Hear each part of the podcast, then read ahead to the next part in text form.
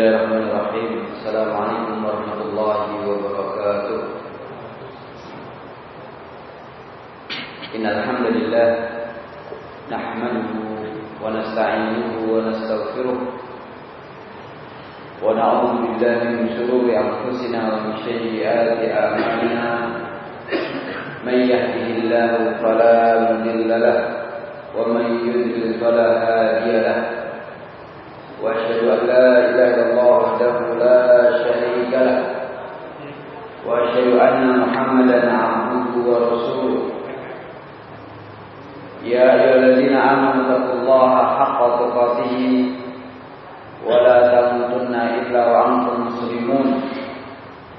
يا أيها الناس اتقوا ربكم الذي خلقكم من نفس واحدة وخلق منها زوجها وبث منهما رجالا كثيرا ونساء. واتقوا الله الذي تساءلون به والأرحام. إن الله كان عليكم رقيبا. يا أيها الذين آمنوا اتقوا الله وقولوا قولا سديدا. يصلح لكم أعمالكم ويغفر لكم ذنوبكم. ومن يطع الله ورسوله فقد فاز فوزا عظيما. أما بعد فإن أصدق الحديث كتاب الله وخير الهدى هدى محمد صلى الله عليه وعلى آله وسلم. وشر الأمور محدثاتها فإن كل محدثات بدعة وكل بدعة ضلالة وكل ضلالة في النار. معاشر إخواني في الدين أعزني الله وإياكم الحمد لله senantiasa kita bersyukur kepada Allah Subhanahu wa taala yang tiada henti dan tiada putus-putusnya memberikan limpahan nikmatnya kepada kita. Terkhusus adalah nikmat iman dan nikmat Islam, alhamdulillah. Dan kemudian nikmat kita diberikan kemudahan untuk bisa menambah kekokohan iman dan Islam kita dengan kita diberikan kesempatan duduk bermajlis ilmu. Semoga apa yang kita usahakan termasuk di malam hari ini ketika kita ingin menambah ilmu tentang agama ini termasuk dari hadis Rasulullah wasallam yang dikeluarkan oleh Imam Muslim dari hadis Abu Hurairah radhiyallahu anhu Rasulullah SAW bersabda Man salaka tariqan yaltamisu fihi ilman sahalallahu lahu tariqan ila jannah Siapa yang menempuh jalan yaltamisu fihi ilman dalam rangka dia mencari ilmu maka Allah mudahkan baginya dengan sebab itu jalan menuju surga. Semoga pula dengan sebab kita menuntut ilmu Allah Ta'ala memberikan tambahan pemahaman dalam agama ini yang dengan itu sebagai pertanda Allah menginginkan kebaikan untuk diri diri kita. May yuridillahu bihi khairan yufaqihu fid din. Kama fi hadis Muawiyah radhiyallahu yang dikeluarkan Imam Bukhari dan Imam Muslim Rasulullah SAW menyatakan Mayuridillahu bihi khairan Siapa yang Allah kehendaki baginya kebaikan Yufaqihu fid din Maka Allah fahamkan dia dalam urusan agama ini. Maka adalah nikmat yang besar di antara nikmat-nikmat Allah Subhanahu wa taala ketika seorang hamba diberi kemudahan untuk mendalami agamanya Allah Subhanahu wa taala. Untuk mempelajari bimbingan Allah taala dan Rasulnya sallallahu alaihi wasallam mempelajari Al-Qur'an dan hadis-hadis Rasul sallallahu alaihi wasallam. Yang mana dengan dua perkara inilah Allah taala akan jaga seorang hamba dari penyimpangan, dari kesesatan ketika hamba tersebut mau berpegang teguh dengan dua perkara tersebut yaitu Al-Qur'an dan hadis Rasul sallallahu alaihi wasallam yang sahih. Taraktu fikum amrayni lam tadillu ba'dahuma in tamassaktum bihima kitabullah wa sunnati. Aku tinggalkan kepada kalian dua perkara yang kalian tidak akan tersesat manakala kalian berpegang teguh dengan dua perkara tersebut kitabullah Al-Qur'anul Karim wa sunnati dan sunnahku hadis-hadis Rasul sallallahu alaihi wasallam. Maka ikhwan fillah kita senantiasa mohon kepada Allah sebagaimana Allah taala memerintahkan kepada nabinya untuk meminta tambahan. Kita pula semoga senantiasa mohon kepada Allah berupa tambahan ilmu. Rabbi zidni ilma. Wahai Rabbku tambahkanlah untuk ilmu. Allahumma inna nas'aluka ilman nafi'ah wa rizqan thayyiba wa amalan taqabbala. Ya Allah, kami mohon kepada Engkau ilmu yang bermanfaat, rezeki yang baik, amalan yang diterima. Allahumma inni as'aluka al-huda wa tuqa wal afafa wal ghina. Ya Allah, aku mohon kepada Engkau berupa petunjuk dan ketakwaan dan kehormatan diri dan juga kekayaan yakni kaya jiwa. Ikhwan fillah, azan Allah yakum. Pada kesempatan malam hari ini sekali lagi semoga dengan sebab ini Allah taala menambah khazanah ilmiah wawasan keilmuan dalam perkara agama yang dengan sebab kita berpegang teguh dengan agama ini Allah taala menyelamatkan kita. Semoga kita diberikan tambahan ilmu yang bermanfaat. Dan kajian kita malam hari ini adalah kita menyelesaikan beberapa permasalahan berkaitan dengan kitab salat babul mawaqit. Kitab salat bab waktu-waktu salat sebelum kita masuk pada bab yang kedua dalam kitab salat ini yaitu babul adzan permasalahan pertama ikhwan Allah hukum orang yang dia lupa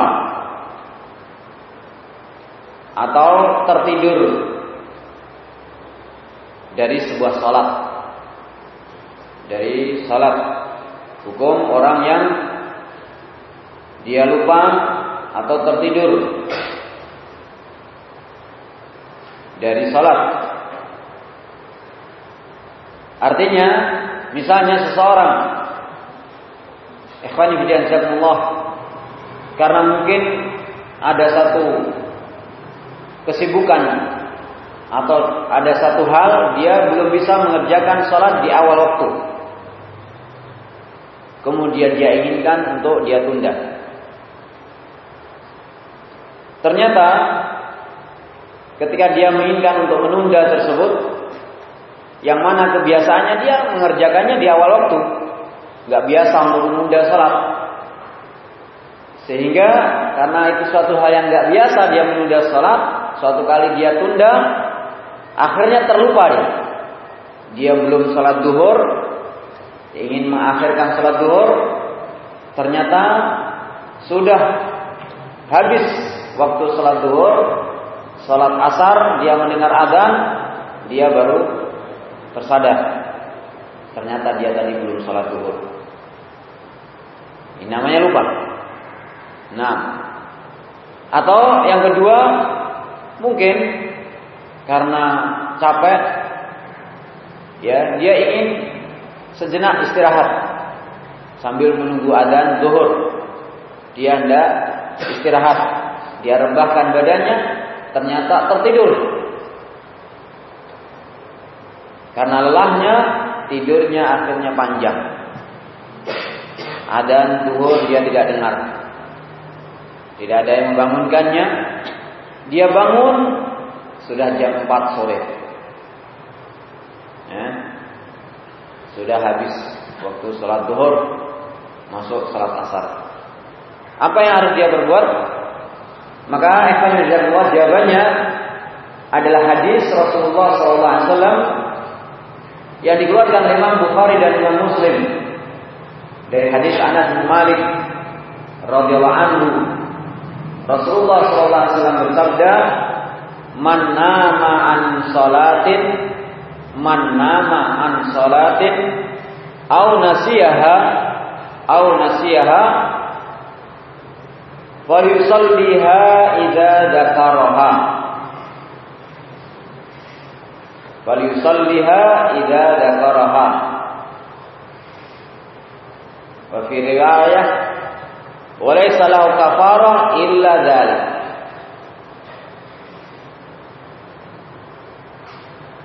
Barang siapa yang tertidur dari sholat atau dia lupa maka hendaknya dia kerjakan sholat tersebut ketika dia telah ingat. Barang siapa yang tertidur dari sholat atau dia lupa, maka hendaknya dia sholat, dia kerjakan sholat tersebut ketika dia ingat.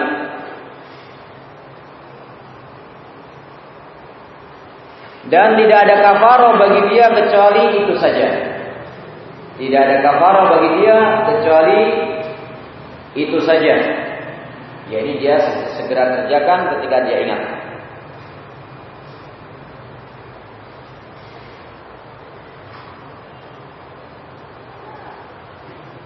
Dan ini ijma para ulama bahwasannya wajib mengerjakan salat bagi orang yang tertidur ketika dia telah bangun dan ingat bagi orang yang lupa ketika dia tersadar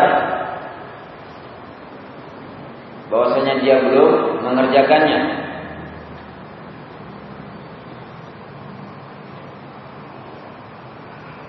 Sebagaimana disebutkan dalam Fathul Bari Syarah Sahih Bukhari Al-Imam Ibnu Rajab Al-Hambali. Al-Imam Ibnu Rajab Al-Hambali di jilid yang ketiga.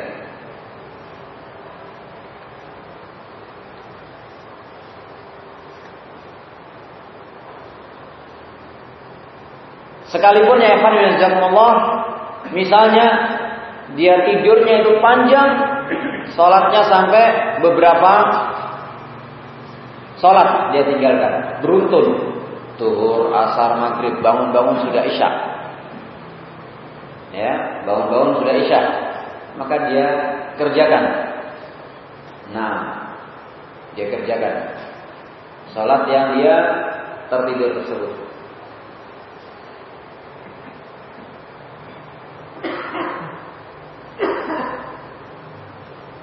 Masalah yang kedua, apakah dia kerjakan langsung ketika ingat ataukah boleh ditunda? Apakah boleh ditunda?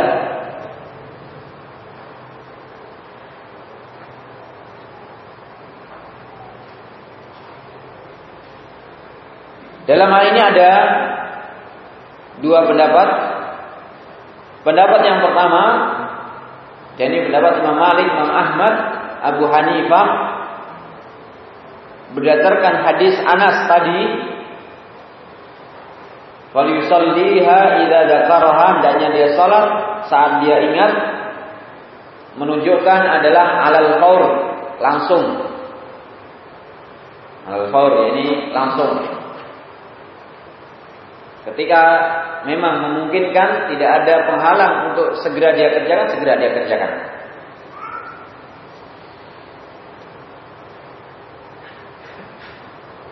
Pendapat yang kedua adalah pendapat Imam Syafi'i boleh dia tunda itu pun dengan catatan kalau ada udur. Boleh dia tunda itu pun dengan catatan kalau ada udur.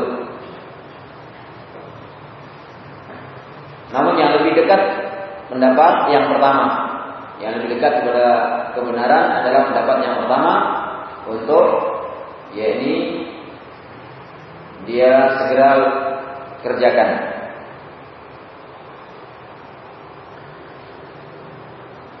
Adapun terdapat di sana ada hadis yang dikeluarkan Imam Muslim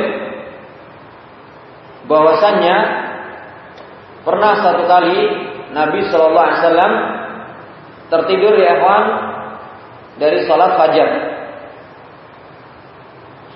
Nah, karena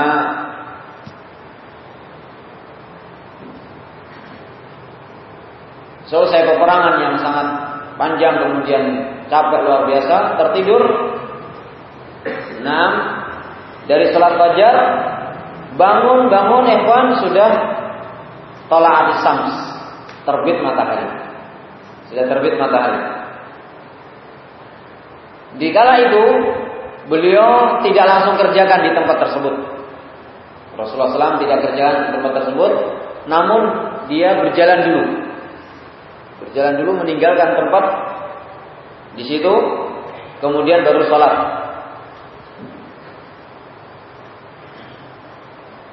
Kenapa yang demikian dikerjakan oleh Rasulullah SAW? Ternyata Allah ada sebab yang menghalangi beliau untuk segera melaksanakannya di tempat tersebut.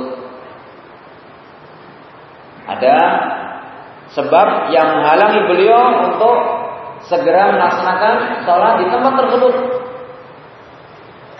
Di mana disebutkan dalam hadis, Inna hada manzilun hadarona fihi syaitan.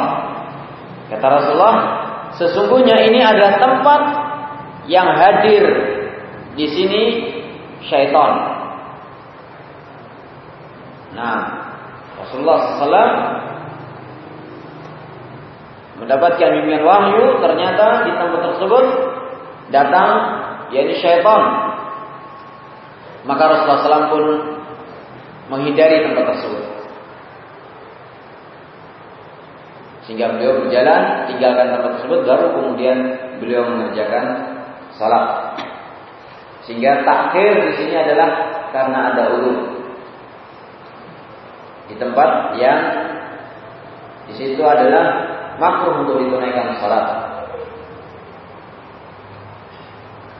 Demikian dibawakan oleh Al Imam Ibnu Rajab Al Hambali pula di kitab Fathul Bari Syarah Sahih Bukhari. Jilid yang ketiga halaman 351.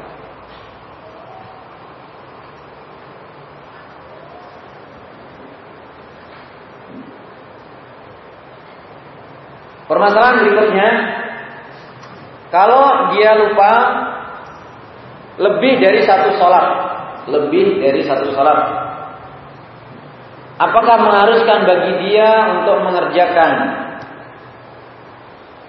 Salat-salat tersebut dengan tertib. Dengan tertib.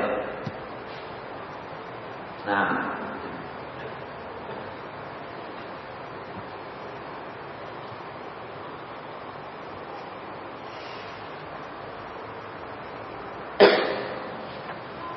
Di sana juga ada perbedaan pendapat. Imam Ahmad, begitu juga Imam Malik, Imam Abu Hanifah berpendapat disyaratkan untuk tertib urut. Misalnya sholat duhur dulu, asar, maghrib, baru sholat isya. Kalau misalnya empat sholat itu dia, dia ini terlupakan atau tertidur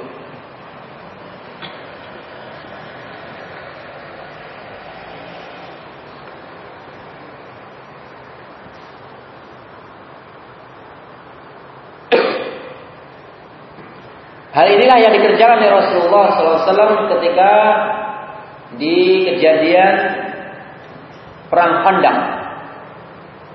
Ya, karena Rasulullah SAW tersibukkan untuk melayani pengepungan serangan musuh di saat itu sehingga Ikhwan Jazakumullah terluputkan beberapa salat maka beliau pun memulai pertama adalah sholat duhur, kemudian sholat asar, kemudian baru maghrib.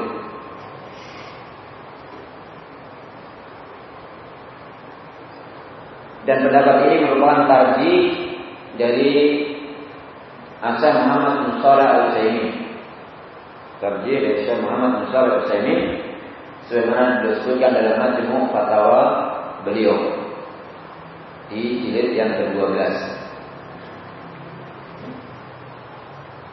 Adapun Imam Syafi'i berpendapat tidak wajib untuk tertib.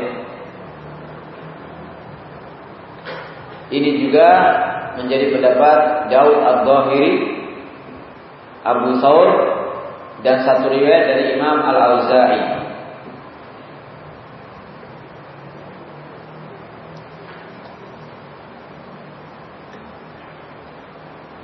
Mereka berpatokan dengan lafaz hadis wal yusalliha idza dzakaraha.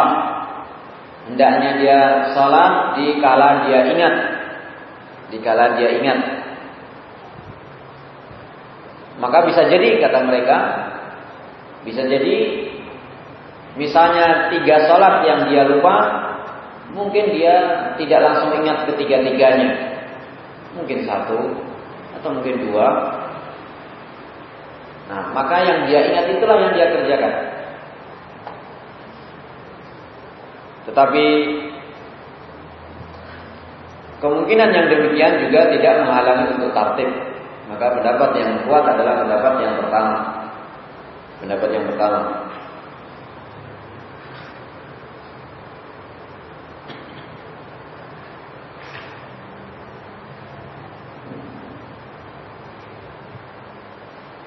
Karena asal salat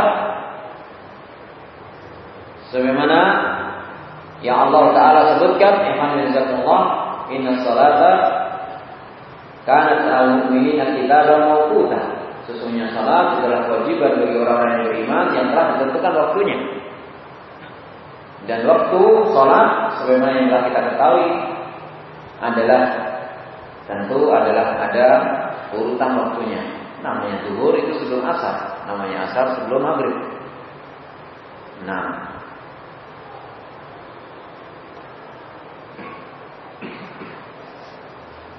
Permasalahan berikutnya. Orang yang lupa sholat, orang yang lupa sholat, kemudian dia ingat di saat dia mengerjakan sholat yang lain.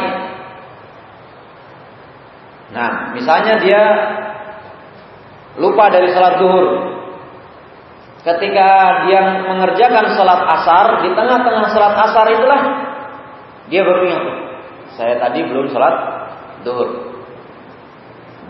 Nah, jadi sangat mungkin terjadi.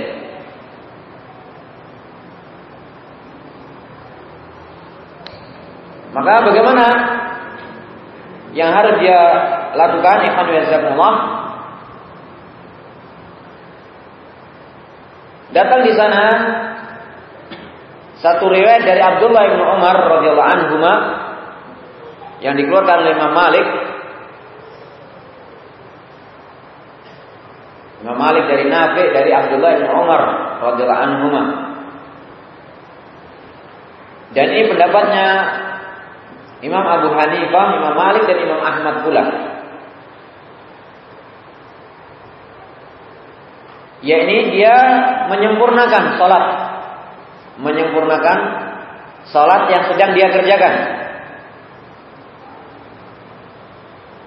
Dia menyempurnakan salat yang sedang dia kerjakan. Kemudian setelah selesai baru dia salat yang terluput, yang dia lupa. Kemudian mengulang lagi salat yang saat itu dia mesti kerjakan. Tadi yang pertama tadi. Salat asar misalnya dia lupa salat duhur. Ketika dia ingat sudah waktu salat asar. Dia tengah-tengah salat dia ingat. Maka dia salat asar selesaikan. Selesai salat asar, salam, selesai. Dia baru kerjakan yang yakni terlupakan. Berarti salat duhur. Selesai sholat duhur, dia mengulang sholat asarnya lagi. Dia mengulang sholat asarnya lagi. Ini yang dikerjakan oleh Abdullah bin Umar. Dan pendapat inilah yang diambil oleh Imam Abu Hanifah, Imam Malik, Imam Ahmad. Pendapat yang lain, pendapatnya Imam Al Hasan Al Basri, Imam Tawus, Abu Yusuf, juga Imam Syafi'i, Abu Saur, dan ini dipilih oleh Syekhul Islam Ibn Taimiyah juga yang dikuatkan oleh Syekh Muhammad bin Shalih Utsaimin dia sempurnakan salat yang saat itu dia kerjakan. Dia sempurnakan salat yang saat itu dia kerjakan. Kasusnya tadi berarti dia sempurnakan salat asar. Baru setelah itu kemudian dia salat yang terluput, yang dia lupa. Dan tidak perlu mengulang tidak perlu mengulang sholat yang saat itu datang kewajibannya, yaitu sholat asarnya dalam contoh yang kita buat. Jadi sholat asar dia selesaikan, baru kemudian sholat duhur. Ini kejadiannya ketika dia ingatnya itu ketika di tengah-tengah dia sholat. Kalau ingatnya sebelum sholat asar, jelas kembali kepada persoalan sebelumnya, yakni tertib salat duhur dulu. Walaupun misalnya dia jamaah. Ya. Imamnya niatnya salat asar yang jelas. Kamu salat duhur, niatnya salat duhur. Karena antara imam dan makmum beda niat itu adalah diperbolehkan. Nah, kamu salat duhur. Baru setelah itu salat asar kamu kerjaan sholat asar. Ini tartib. Permasalahannya sekarang adalah ingatnya di tengah-tengah sholat. Waktu sholat asar, ya mungkin dapat satu rakaat, dua rakaat baru ingat loh. Tadi ternyata belum sholat duhur saya. Ya, belum sholat duhur. Maka kerjakan sholat asar sampai selesai. Baru setelah itu sholat duhur. Keadaan ini terpaksa tidak tertib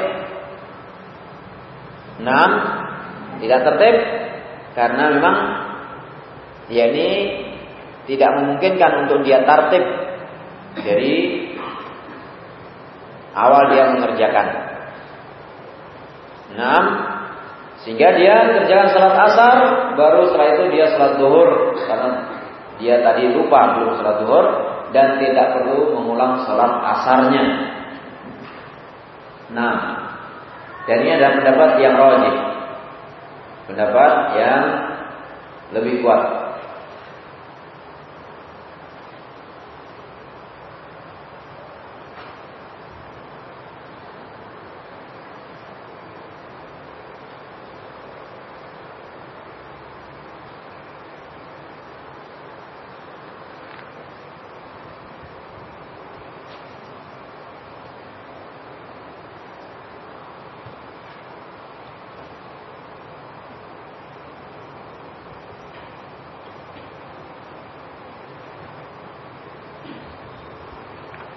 Selesai hanya semua pembahasan pelengkap dari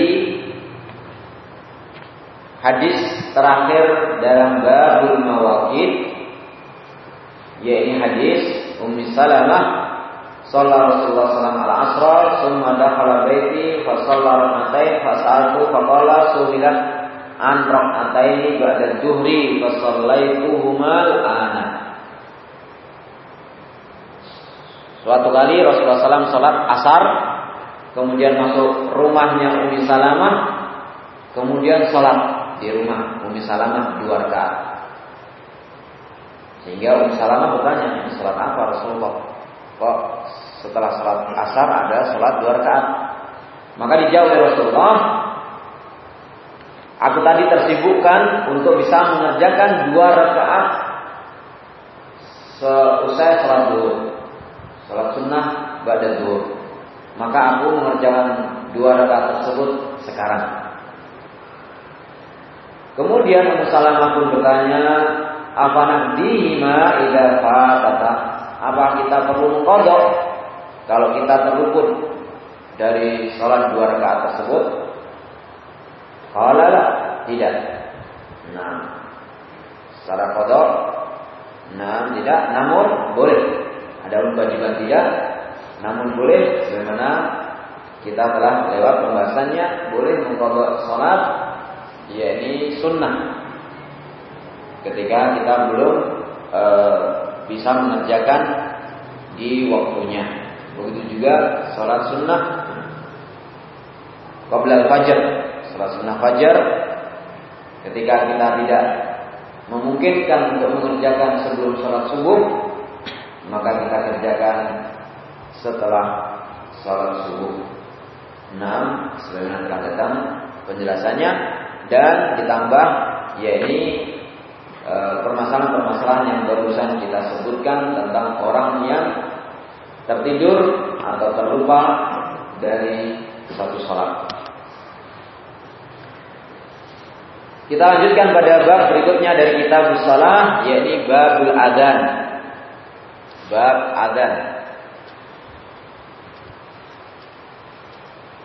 Selesai pembahasan bab al-mawaqit waktu-waktu salat.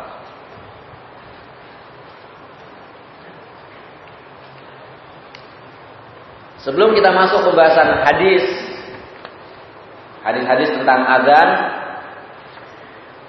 kita sebutkan beberapa perkara yang menjadi mukaddimah adapun permasalahan-permasalahan yang lain nanti pembahasannya adalah seiring pembahasan hadisiyah pembahasan-pembahasan hadis dalam bab azan ini. Pembahasan pertama adalah pengertian azan pengertian azan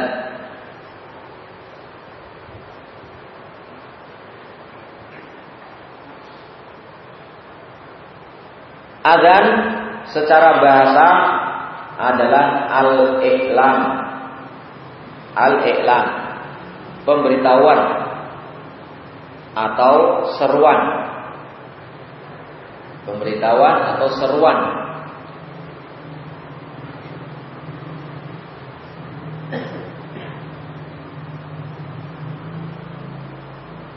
Pengertian bahasa ini seperti disebutkan Semisal dalam surah At-Taubah ayat 3. Surah At-Taubah ayat 3. Wa adzanu minallahi wa rasulih. Disebutkan adzan minallahi wa rasulih. Artinya adalah al-i'lam, pemberitahuan atau seruan dari Allah dan Rasul. Pemberitahuan dari Allah dan Rasul.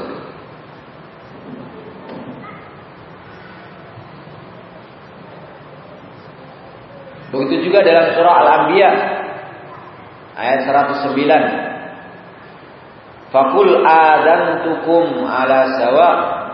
E a'lamtukum.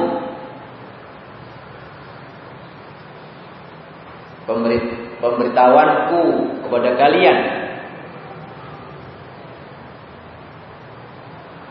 Ini secara bahasa.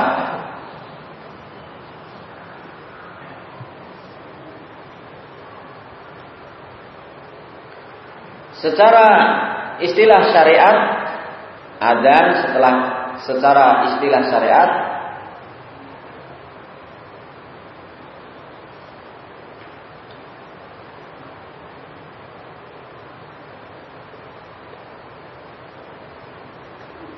Adalah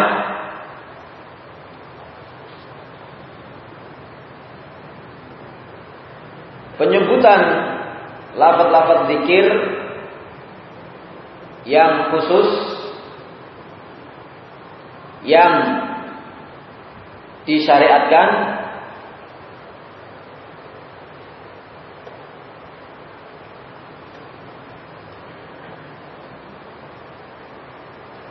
untuk memberitahukan masuknya waktu salat. Untuk memberitahukan masuknya waktu salat.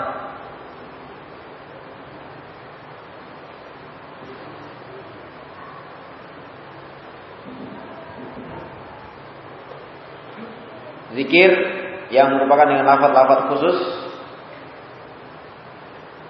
yang disyariatkan dan nanti akan datang lafaz-lafaznya sesuai dengan syariat untuk memberitahukan waktu masuknya waktu salat.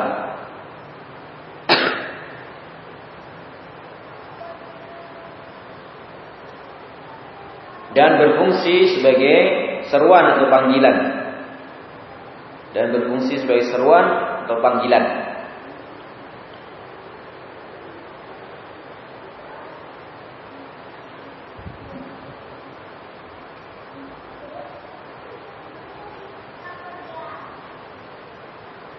Kita sekaligus sebutkan makna atau pengertian iqamah karena gandengannya dengan adzan dan iqamah.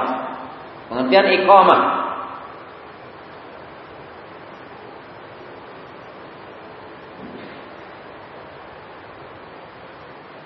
Iqamah itu secara pengertian adalah dari aqama yukimu iqamah yakni menjadikan bangkit atau membangkitkan Orang yang duduk membangkitkan, membangunkan orang yang duduk.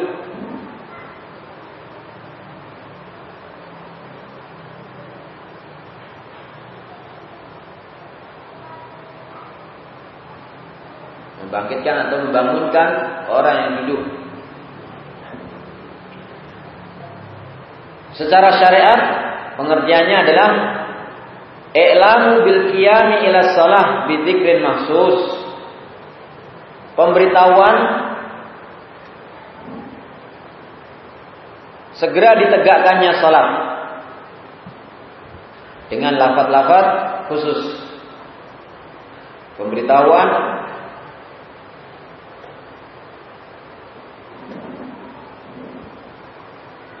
akan akan segeranya ditegakkan salat dengan lafaz-lafaz khusus.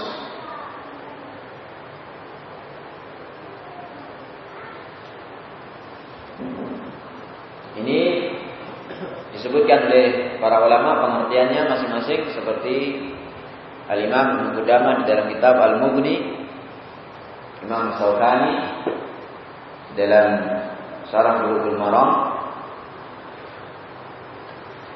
dan yang lainnya. Pembahasan kedua Yang pertama adalah pengertian Yang kedua sekarang Keutamaan azan Keutamaan azan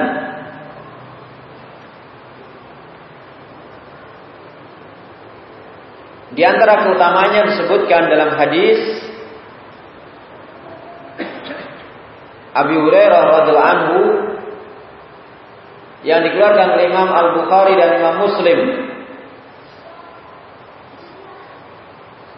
Rasulullah SAW bersabda, "Lau ya'lamun nasu ma fin nida was-saffil awal summa lam yajidu illa ayyastahimu alaihi lastahamu."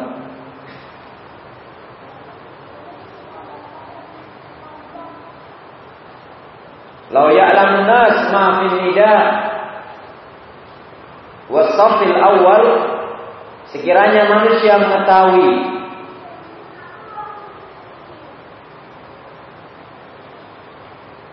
Sekiranya manusia mengetahui apa yang ada dalam azan yang ada pada azan dan soft pertama sekiranya manusia mengetahui apa yang ada pada azan dan soft pertama.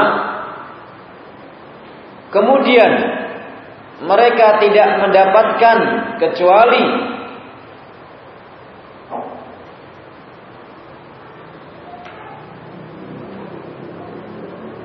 kecuali mereka harus mengundi maka tentu mereka akan mengundinya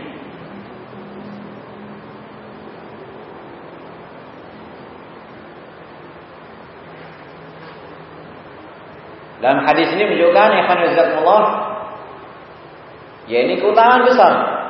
Sekiranya manusia mereka tahu keutamaan yang ada pada azan dan juga yang ada keutamaan pada soft pertama di mana mereka tidak akan bisa mendapatinya kecuali harus undian, mereka pun akan mengundinya.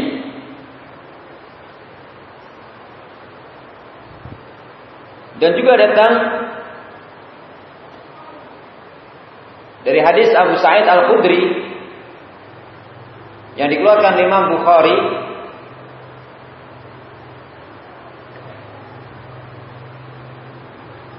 marfu sampai Rasulullah sallallahu alaihi wasallam fa innahu la yasma'u sautal muadzin jinnun wala insun wala syai'un illa syahida lahu yaumal qiyamah. Fa innahu la yasma'u sautal muadzin jinnun wala insun wala syai'un illa syahida lahu yaumal qiyamah. Sesungguhnya tidaklah mendengar suaranya muadzin baik dari kalangan jin atau manusia atau sesuatu pun kecuali dia akan menjadi saksi. Dia akan menjadikan menjadi saksi. Baginya kelak di yaumul kiamat. Sesungguhnya tidaklah mendengar suaranya muadzin baik dari kalangan jin, manusia ataupun sesuatu kecuali akan menjadi saksi baginya kelak di yaumul kiamat.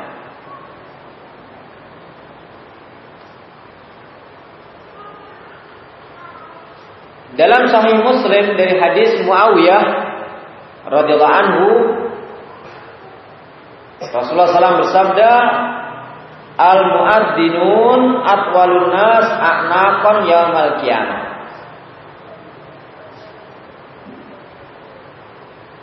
Para muadzin, para muadzin adalah orang-orang yang paling panjang lehernya nanti di yaumul kiamat.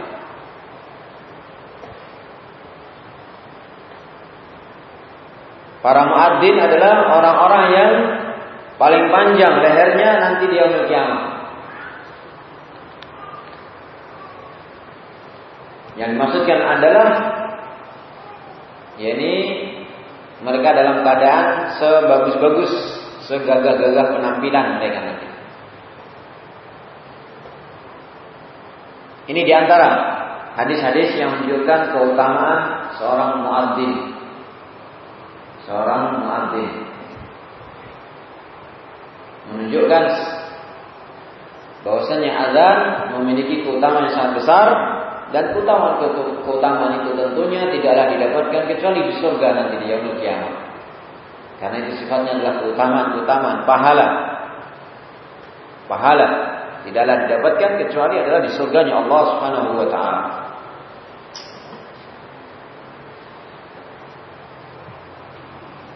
Seiring dengan itu, Evan ada pertanyaan. Antara seorang muadzin dengan imam mana yang afdal? Kalau muadzin datang dalil-dalil nas-nas keutamaannya seperti hadis-hadis yang kita baca. Sementara tidak datang nas-nas keutamaannya seorang imam. Ikhwan Allah Walaupun di sana ada perbedaan pendapat dalam hal ini, baik di kalangan Syafi'iyah ataupun Hanabilah dan yang lainnya, ada yang berpendapat yakni muadzin lebih abdul, yang lain ada yang berpendapat imam lebih abdul, yang rajih dalam hal ini wallahu alam annal imamah abdul. Keimaman itu adalah lebih abdul imam itu lebih afdal. Dan cukuplah menjadi dalil di antaranya adalah Allah Ta'ala pilihkan untuk Rasulnya sebagai imam. Ya, dan Rasulullah SAW serahkan muadzin kepada sahabat yang lain. Bilal, Abdullah bin Umi Maktum. Dan Rasulullah SAW memilih imam selaku imam Nah, dan kita mengetahui Ikhwanullah imam adalah orang-orang pilihan di tengah-tengah manusia. Apa yang mereka dari mereka miliki dari hafalan Al-Quran lebih banyak daripada yang lain itu sudah menunjukkan keutamaan dan di sana sangat banyak keutamaan orang-orang yang memiliki hafalan. Insya Allah akan datang pembahasannya di dalam masalah yakni imam dan salat jamaah. Demikian disebutkan oleh Al-Imam Qudamah di dalam kitab Al-Mughni jilid yang kedua.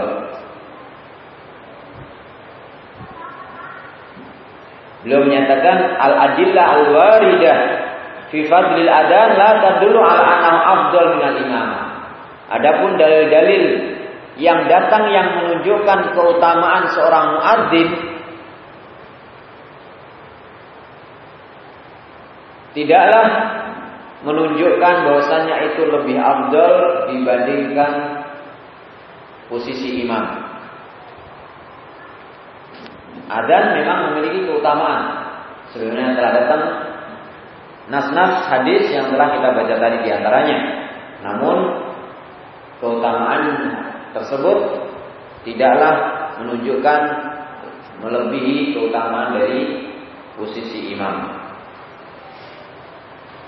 Masalah berikutnya, Evanizatullah hukum adzan dan iqamah. Hukum adzan dan iqamah.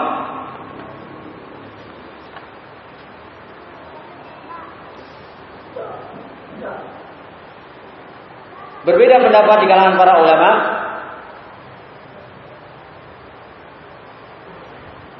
Antara dua pendapat. Pendapat yang pertama adalah sunnah muakkadah Pendapat yang kedua adalah fardu kifayah. Pendapat pertama adalah sunnah muakkadah, pendapat yang kedua adalah fardu kifayah.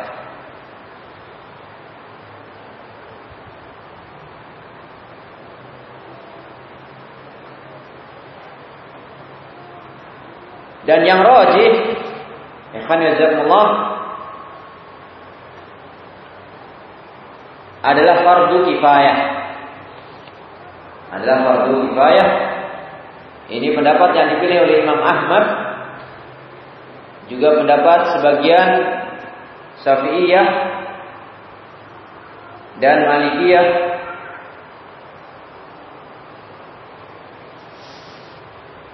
yang menguatkan pendapat ini adalah hadis Malik ibni Khuairis. Hadis Malik ibni Khuairis yang dikeluarkan oleh Al Imam Al Bukhari dan Imam Muslim. Yang dikeluarkan oleh Imam Al Bukhari dan Imam Muslim dalam sahih keduanya. Rasulullah SAW bersabda, "Wa idza hadaratis salah fal yu'adzin lakum ahadukum fal yu'adzin lakum ahadukum wal ya'ummakum akbarukum. Apabila telah hadir waktu salat apabila telah hadir waktu salat fal yu'adzin lakum ahadukum. Hendaknya seseorang di antara kalian azan untuk kalian hendaknya seseorang di antara kalian azan untuk kalian Maka ini adalah perintah. Wal asal asal perintah adalah wajib. Kemudian disebutkan seseorang atau salah satu di antara kalian menunjukkan kifai. Kalau satu sudah ada yang mengerjakan, yang lain adalah gugur. Karena Rasulullah SAW tidak memerintahkan hendaknya kalian semua ada. Ya kan? Kalau sudah datang waktu sholat, hendaknya kalian semuanya ada. Tidak demikian. Kalau hendaknya kalian semuanya ada, berarti fardu ain. Ya kan? Tetapi wal yu'adzina lakum ahadukum. Hendaknya ada seseorang kalian untuk kalian. Menunjukkan adalah diwakili. Satu orang maka yang lainnya gugur. Maka ini menunjukkan fardu kifayah. Wal ya'ummakum akbarukum daknya mengimami kalian orang yang paling tuanya kalian. Orang yang paling tuanya kalian. Nanti akan ada pembahasan tentang imam. siapa yang paling berhak menjadi imam.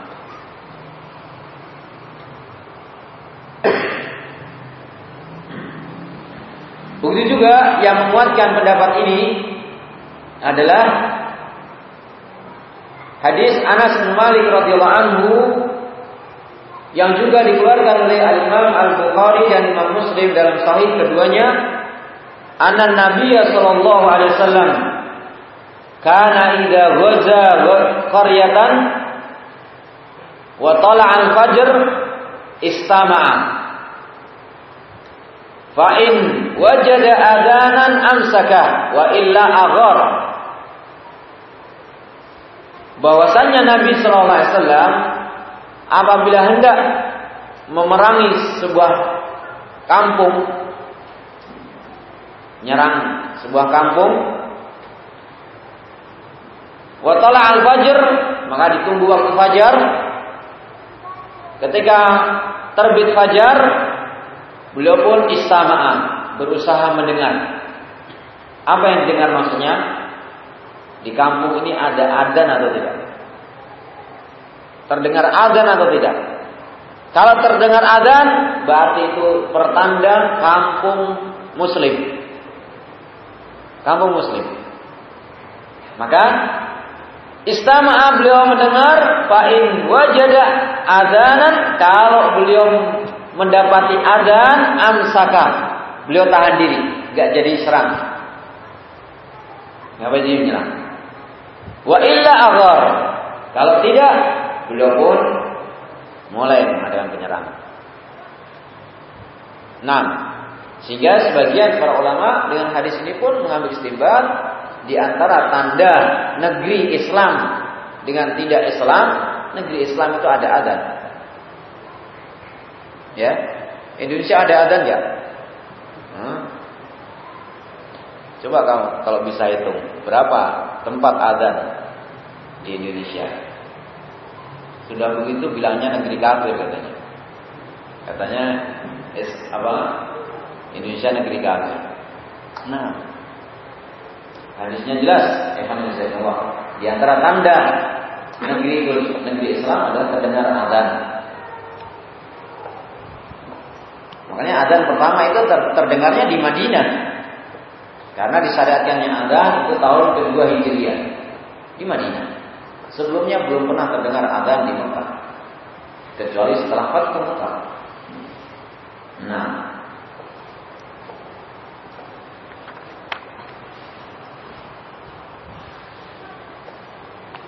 Begitu juga dalil yang memuatkan hukumnya adalah fardu kifayah ya. Adalah tentang hadis kisah. Kisah di syariatkannya adzan. Akan datang nanti hadis pertama insya Allah kemudian Rasulullah SAW memerintahkan Bilal. Rasulullah SAW memerintahkan Bilal untuk berdiri mengumandangkan adzan salat.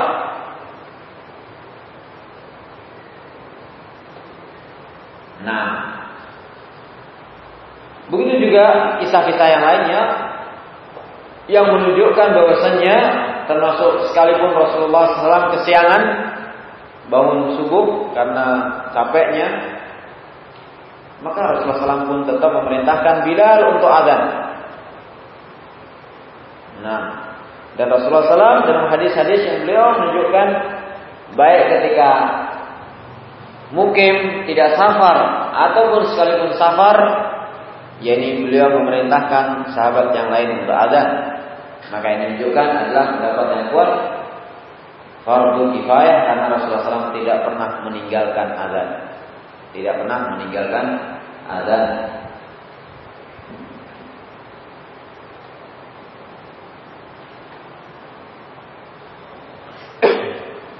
Begitu juga yang diwasiatkan kepada Semisal Utsman ibn Abi As, Utsman ibn Abi As, Rasulullah SAW memerintahkan untuk menjadikan muadzin di kampungnya.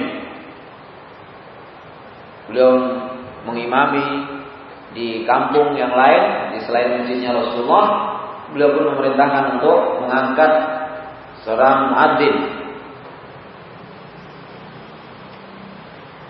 Ini hanya zakumullah kapan di situ ada sholat jamaah dan sekumpulan manusia ketika datang waktu sholat maka adalah diwajibkan adzan dan kalau tidak ada yang adzan sama sekali maka semuanya terkena dosa.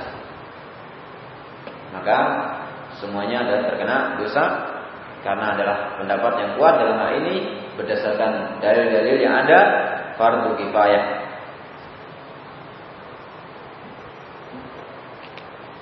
Namun perlu dipahami kalau tidak ditunaikan azan bukan berarti sholatnya tidak sah. Ya, perlu dipahami bahwasanya fardu kifayah bukanlah termasuk sartun liseh hati sholat. Tidak termasuk syarat sahnya sholat. Ya, artinya kalau di situ ditunaikan sholat jamaah tanpa adzan tetap sah sholatnya. Adapun secara dosa maka dosa karena meninggalkan adzan. Artinya adzan adalah kewajiban mustakil, kewajiban yang tersendiri yang tidak menjadi bagian dari syarat sahnya sholat.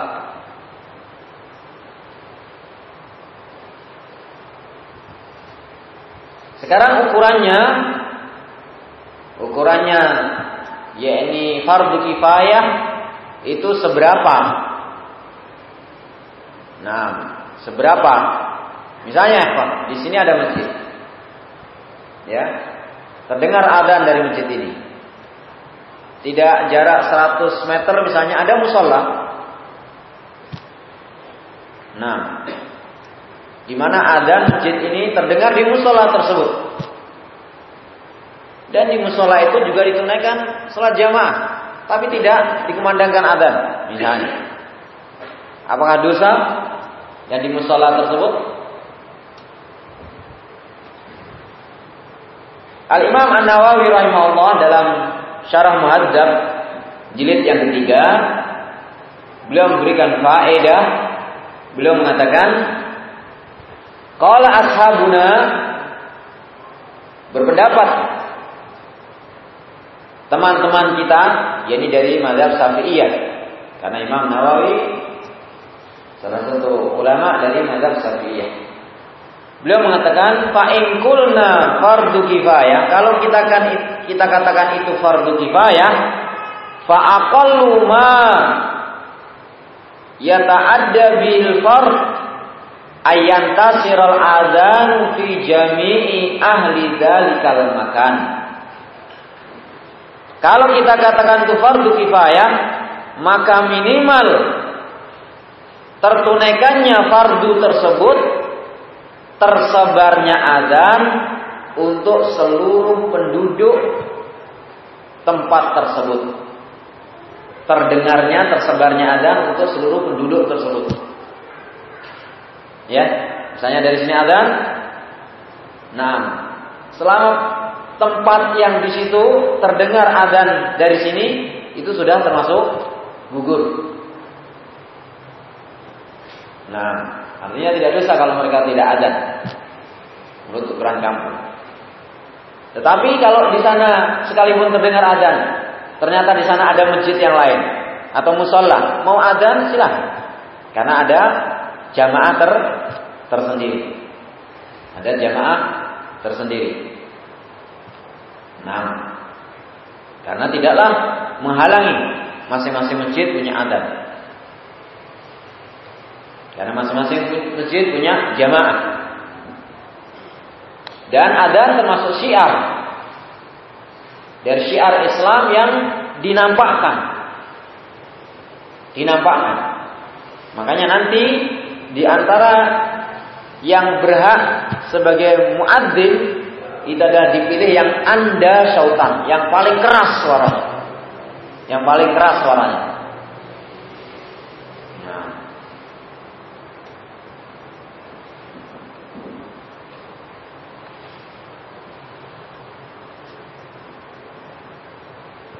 Lebih bagus kalau sudah paling keras suaranya pakai pengeras suara. Nah.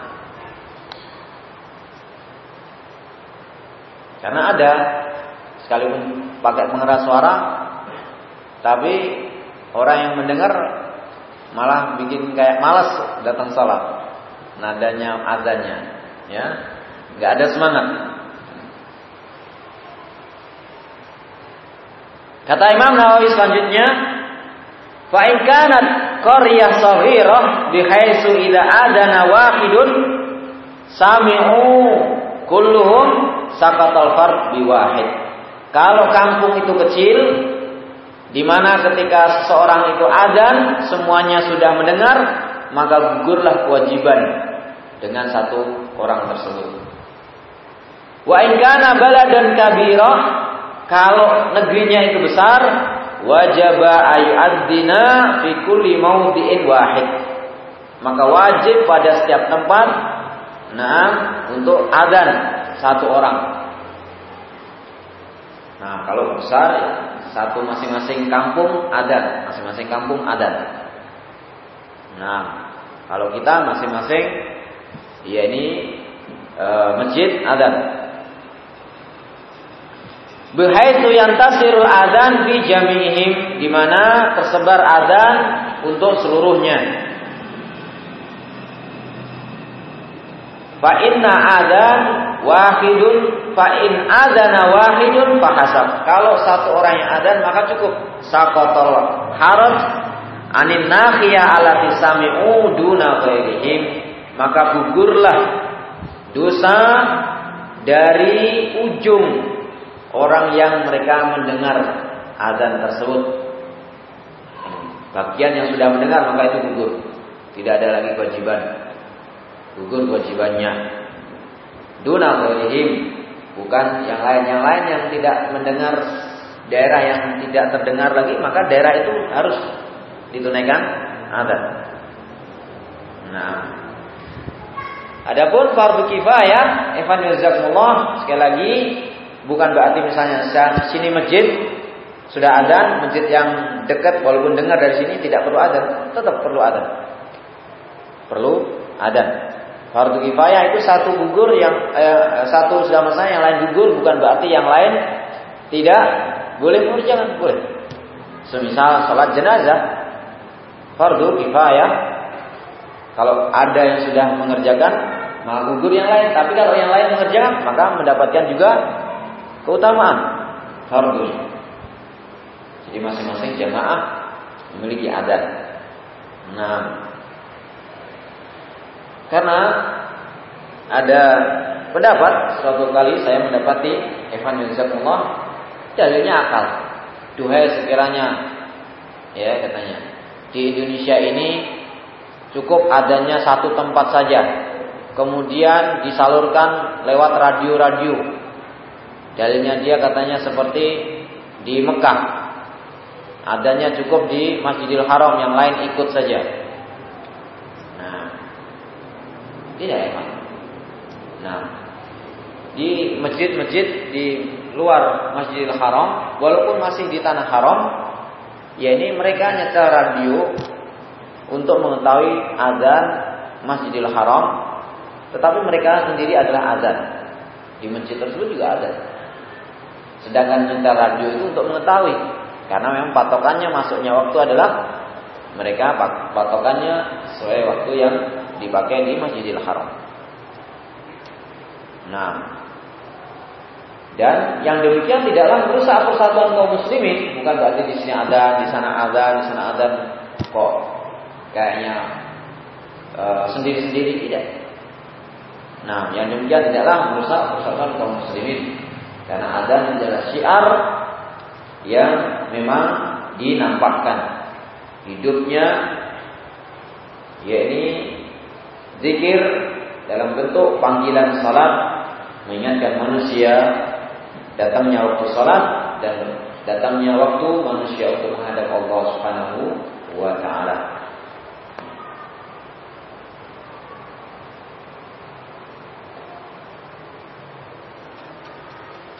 Saya rasa kita cukupkan untuk sementara e, pembahasan kita.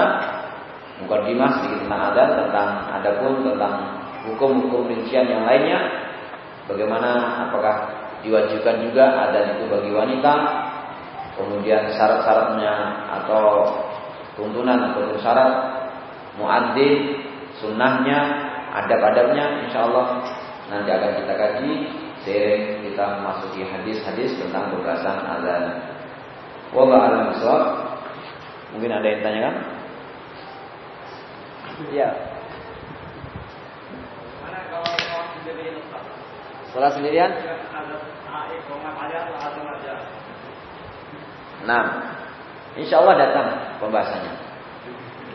Ya, ditunggu. Akan datang pembahasannya. Nah, tadi yang kita bahas adalah baru hukum umum ada. Hukum rincian akan datang seperti sendiri bagaimana safar, bagaimana bagi wanita, bagaimana kalau mereka berjamaah akan datang. Ya, insya Allah. Yang lain?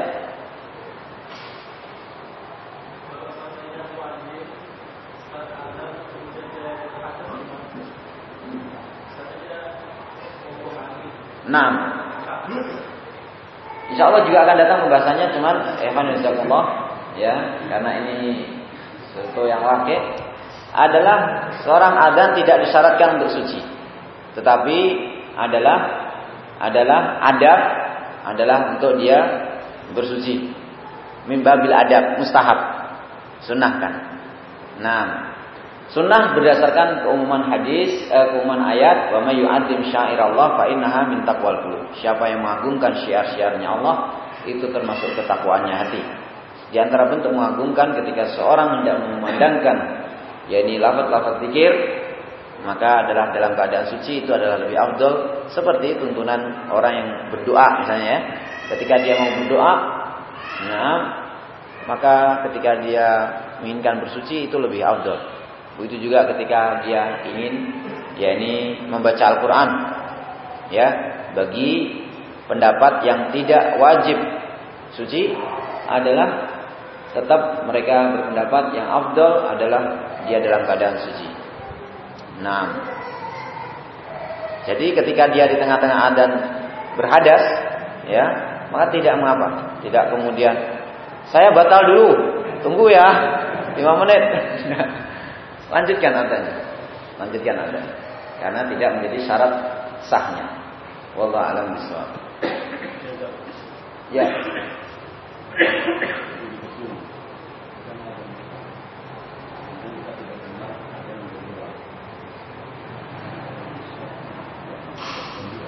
Iya.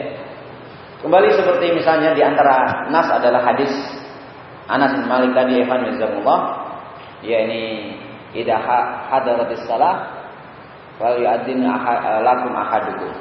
Kalau hadir salat maka hendaknya seorang di antara kalian adalah adzan untuk kalian. Begitu juga Rasulullah SAW tidak mesti di masjid ya ketika beliau e, sedang berperang tengah-tengah e, ya ini kesibukan berperang, sholat sholat berjamaah, maka juga ditenangkan ada. Tidak mesti di masjid, mau di ya ini tempat terbuka atau di gedung. Nah, maka tadi salah seorang di antara kalian adalah adan untuk kalian. Wallahu a'lam bishawab. Kita jawabkan wa akhiru da'wana alhamdulillahi rabbil alamin. Wa la ilaha wabarakatuh. Wassalamualaikum warahmatullahi wabarakatuh.